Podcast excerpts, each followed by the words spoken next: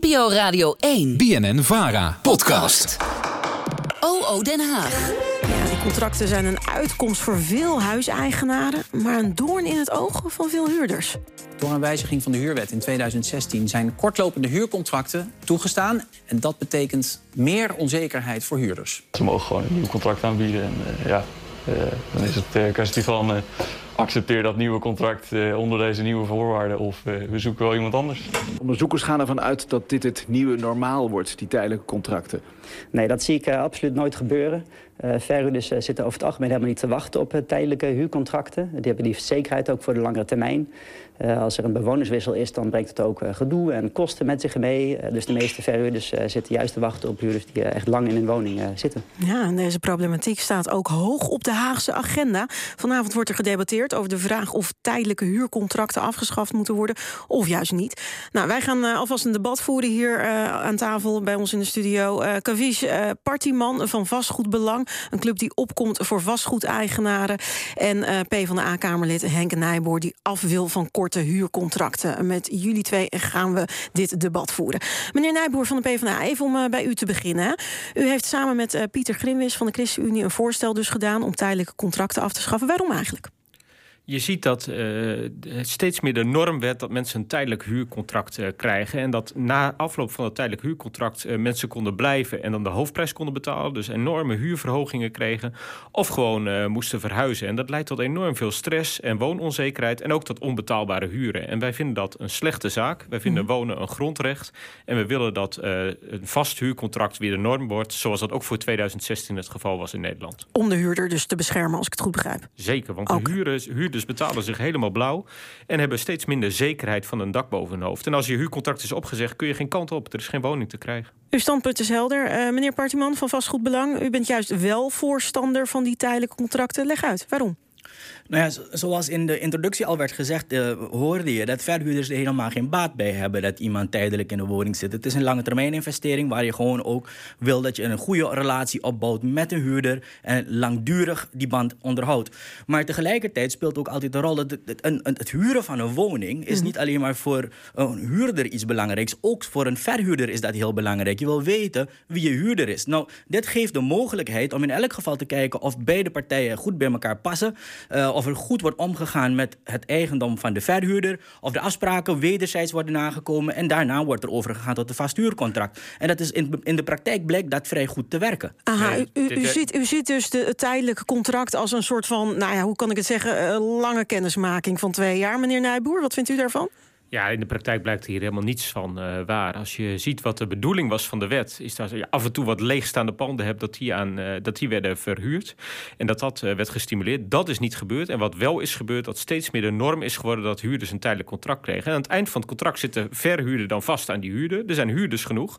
En die kan de hoofdprijs vragen aan een nieuwe huurder. En dat gebeurde op grote schaal. Dat blijkt ook uit de cijfers. Tienduizenden mensen werden uit huis gezet. En niet omdat ze slechte huurders waren, gewoon omdat die verhuurders zoveel mogelijk wilden verdienen. Dus ik vind dit mooie praatjes, maar die zijn nergens op gebaseerd. En daarom moeten we de bescherming van de huurders echt verbeteren. Zit er dan ook geen redelijkheid in wat meneer Partiman zegt? Echt aanvoelen, hè? ook de bescherming voor de verhuurder? Nou. En hier wil ik wel even op reageren, want het is elke keer weer het frame dat er wordt gelegd bij de verhuurders, alsof dit mensen zijn die willens en wetens een hele groep huurders in een hoek wil drukken om een maximalisering van hun winst. Dat klopt niet. De particuliere verhuurder is na de, na de corporatiesector de grootste verhuurder in Nederland.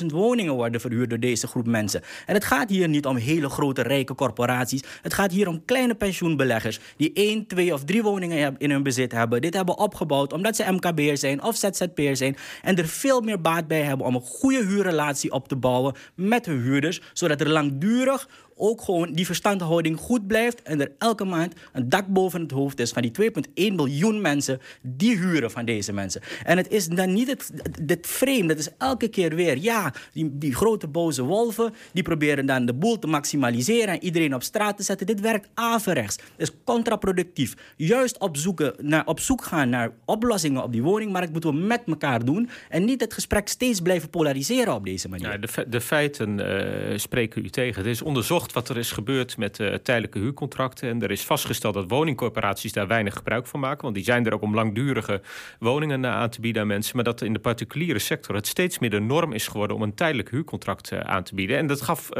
u zojuist zelf ook aan. Hè? U zei van dan moeten ze aan elkaar wennen. Dat is nooit de bedoeling van de wet geweest. De bedoeling van de wet is toen geweest. Met goede bedoeling hoor. Overigens door Carole Schouten vooral ook geïnitieerd. om te zeggen van ja, af en toe staat wat leeg. Maakt toch mogelijk dat dat verhuurd wordt. Dat dat bijna niet is gebeurd. En die WEM-periode is echt, een, echt niet de bedoeling van die wet geweest. Want het zorgt voor onzekerheid van huurders. En de machtspositie van verhuurders is enorm. Want als je contract wordt opgezegd en je hebt tweejarig contract. Vaak zeggen ze, wat, wat de heer uh, van vastgoedbelang zojuist ook zei. Hè, die, zegt, die zeggen van nou ja, nee, we hebben belang bij langdurig. Nee, maar uiteindelijk twee maanden van tevoren krijgen mensen een brief. Uw huurcontract loopt af. Ja, want, want meneer, meneer Partiman, meneer Partiman, meneer Partiman, wacht heel even hoor. Meneer Partiman van uh, vastgoedbelang. Waar is dan die bescherming voor de huurder? Waar ziet u dat dan? Nou, die bescherming voor de huurder zit er op het moment in dat er een vast contract wordt aangeboden. Want er wordt gezegd dat er veel uh, uh, tijdelijke contracten zijn. Mm-hmm. Dat kan best kloppen, maar er wordt niet gekeken naar de cijfers van de, van de tijdelijke contracten. Die worden overgezet naar vaste contracten. Want dat gebeurt in heel veel gevallen wel. Dat er een goede, huur, dat er goede verstandhouding is tussen huurder en verhuurder. En dat de vaste contracten gegeven moment overgaan op een. Op een op, op, dat tijdelijke, tijdelijke contracten, overgaan, in vaste, vaste contracten. Er is ja. dus eigenlijk helemaal geen probleem, meneer Nijboer. Tijdelijke contracten gaan over in vaste contracten. Ja, soms wel. En soms ook tegen de hoofdprijs. Hè. Dan zeggen ze, u mag wel een vast contract, maar we verhogen de huur ook nog uh, fors. Maar soms ook niet. En je ja, ziet dat en dit soms, dat... soms, soms. Dat, kijk, dit is precies nou, wat... het, is, het is echt wel gewoon steeds weer de vinger wijzen naar een hele branche... die het prima doet, die heel veel mensen een dak boven het hoofd geeft... en dan gaan focussen op soms. U heeft gelijk, als er excessen zijn op die markt... moeten die bestreden worden. Daar zijn wij ook voor. We hebben die wet goed verhuurderschap helemaal omarmd. En als er opgetreden moet worden tegen slechte verhuurders, gaat u ons aan uw zijde vinden. Maar dit is een totale branche in een hoek drukken. Dit Meneer is niet oké. Nou, er is alle reden toe. Want als je kijkt, we hebben al huurbescherming in Nederland. Hè? Wat de huren zijn die gevraagd mogen worden. Dat is een puntenstelsel en dan kun je berekenen zoveel huur mag je vragen. En die wordt op grote schaal overtreden.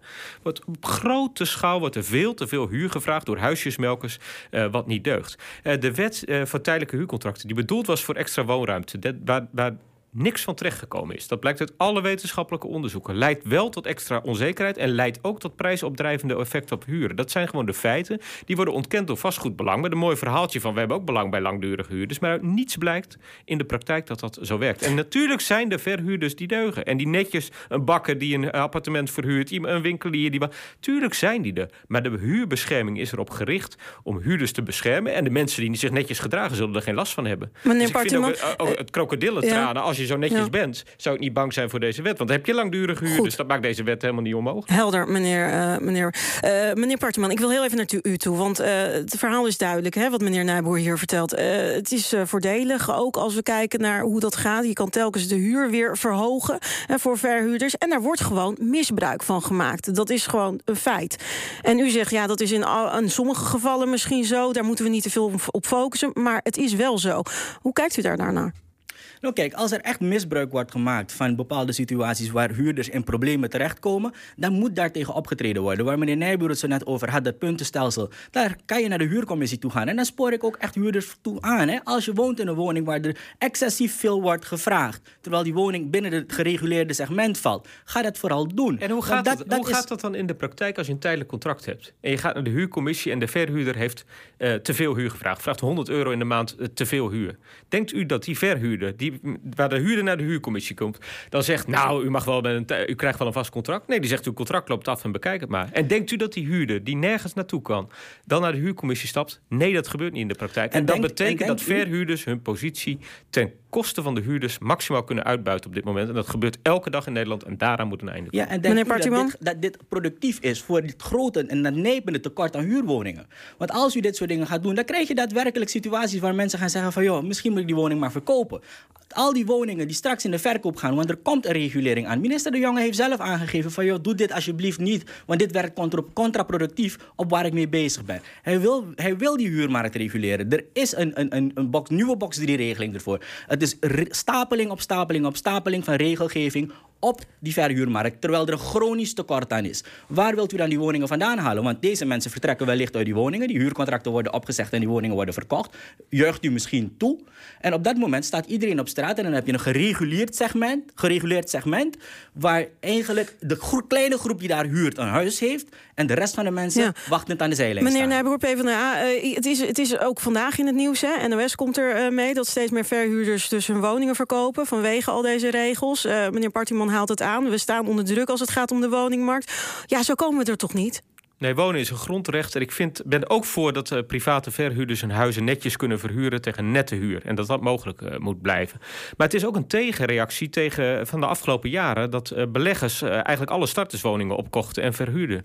Dus dat er nu wat meer huurders ook voor starters, huurhuizen voor starters beschikbaar komen. En niet worden opgekocht door beleggers, ben ik voorstander van. Want huren, verhuren in Nederland was de afgelopen jaren onderbelast. Huurinkomsten waren niet belast. Vastgoed steeg enorm in uh, waarde. En de verhuurders waren spekkopen met torenhoge huren. Dus dat we daar wat aan doen, ben ik ook voorstander van. En we maken inderdaad, uh, ben, dat steun ik minister De Jonge in. Het puntenstelsel trekken we verder op. De huurbescherming wordt verder verbeterd. En dat leidt ertoe dat huizen weer betaalbaar worden. En als verhuurders te beroerd zijn om zich aan de wet te houden. of het voor die prijzen te verhuren, moeten ze dat maar niet doen. Ja. Daarmee zegt de heer Nijboer dus. dat als huurders straks een woning nodig hebben. en die woningen zijn er niet. dat doen we daar ook gewoon niets aan laten we je in de kou staan. Want dat is wat er aan het gebeuren is. Er gaat straks gewoon een, een grote groep verhuurders hun woningen verkopen. En dat betekent dat die woningen die nodig zijn gewoon verdwijnen van de markt. En mensen die niet in aanmerking kunnen komen voor een sociale huurwoning. en intussen ook al tien jaar moeten wachten als ze dat wel doen. die kunnen dan straks ook geen particuliere nee, huurwoning nee, meer Hoe ziet u dat voor zich? Dat gaat nou, dat, laatste is, eh, dat laatste is echt een probleem. Hè. Dus ik vind dat, uh, dat woningcorporaties veel meer moeten bouwen. Ook voor uh, middeninkomens, leraren, verpleegkundigen, uh, vrachtwagenchauffeurs. Dat die ook fatsoenlijk in een betaalbare woning terecht moeten komen.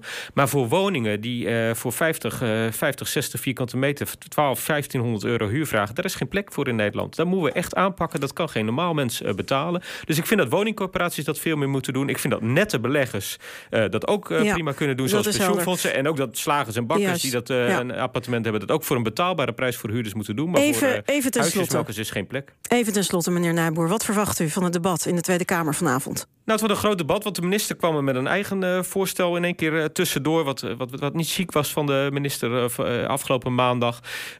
Maar ik verwacht steun in de Kamer. Want de, zowel de Woonbond, die voor huurders opkomt, maar ook de woningcorporaties, ook wetenschappers zeggen: er moet een einde maken aan die woononzekerheid in Nederland. Dit kan niet langer zo. Die huurders staan te veel in de Kamer. Ja, u heeft het over de, het voorstel van Hugo de Jonge, hè, die dwars ligt bij het afschaffen van tijdelijke huurcontracten. Hij ja, komt met dat eigen voorstel. Schaf die contracten niet af, maar geef gemeenten de vrijheid ze in bepaalde wijken te verbieden. U snapt dat niet, maar u gaat er vanavond uh, over debatteren, neem ik aan. Zeker, daar gaat de Kamer ja. over debatteren. Ik Goed. verwacht steun voor het voorstel van uh, Pieter Grimwits van de ChristenUnie en mijzelf. Goed, we gaan het zien. Henk Nijboer van de PvdA en Partiman van Vastgoedbelang. Dank jullie wel.